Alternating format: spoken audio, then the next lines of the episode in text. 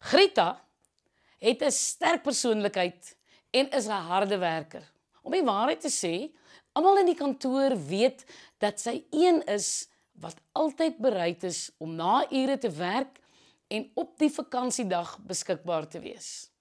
En dit meestal sonder om ekstra vergoeding te ontvang. Sy is ook baie geliefd en almal weet dat sy nie van konflik hou nie. Maar dan gebeur dit.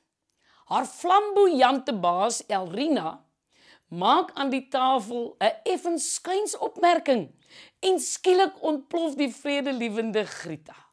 Jong almal skrik en hou op praat en besef Elrina het een van Grita se grense oorskry.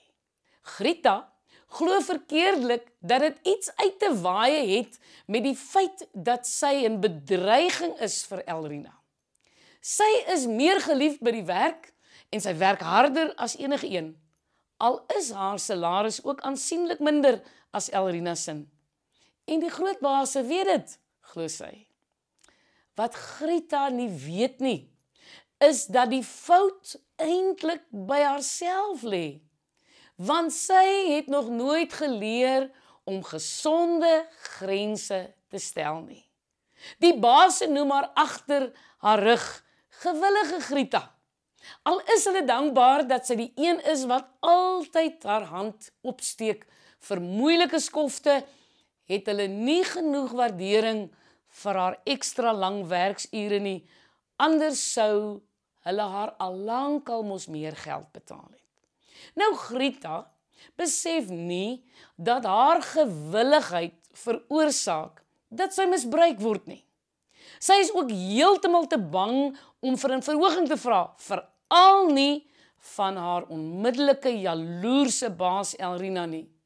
Sy besluit om te gaan raad soek by 'n terapeut. Toe sy verduidelik hoe sy by haar vorige werk ook gereeld ontplof het teenoor haar vroulike baas, knik die terapeut haar kop en vra haar drie vrae. Is daar iemand uit jou kleintyd aan wie Elrina jou moontlik laat dink? Kan jy dink aan 'n tyd in jou verlede toe jy dieselfde gevoelens ervaar het? Is daar dalk iets in hierdie manier van reageer wat jou aan gebeure uit jou kleintyd herinner. Nou na 'n rukkie se stil bly, besef Grita dat Elrina en die baas by haar vorige werk haar aan haar ouer sussie Elise laat dink. Hulle was 5 kinders en Elise was 6 jaar ouer as Grita.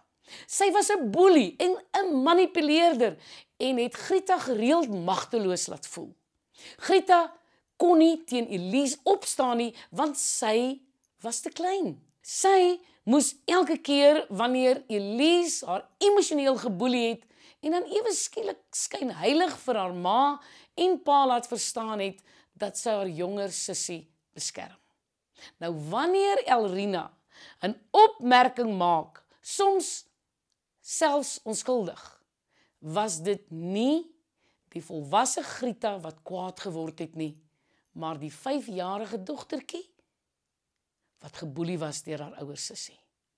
Die terapeut het vir Grita daarop gewys dat sy gesonde grense kon stel ook vir haar baase wat haar misbruik. Grita se oë het oopgegaan. Sy het besef dat haar kinderlike vrees vir verwerping die rede was waarom sy ten alle koste geliefd wou wees by die werk en bereid was om onmoontlike ure te werk. Dit was sleg vir haar gesondheid, sleg vir haar sosiale lewe, as ook haar gesin by die huis. Sy het geleer. Sy het geleer om die drie vrae te vra wanneer sy 'n ontploffing voel naderkom. Sy het besef dat sy nie meer 5 jaar oud is nie. Dat sy nie deur ander verwerp word nie, maar dat sy misbruik word omdat sy nie duidelike grense stel nie. sien die volwasse Grita was sterk genoeg om haar behoefte te formuleer en 'n streep te trek. Sy het 'n grens Grieta geword en die vrugte daarvan gepluk.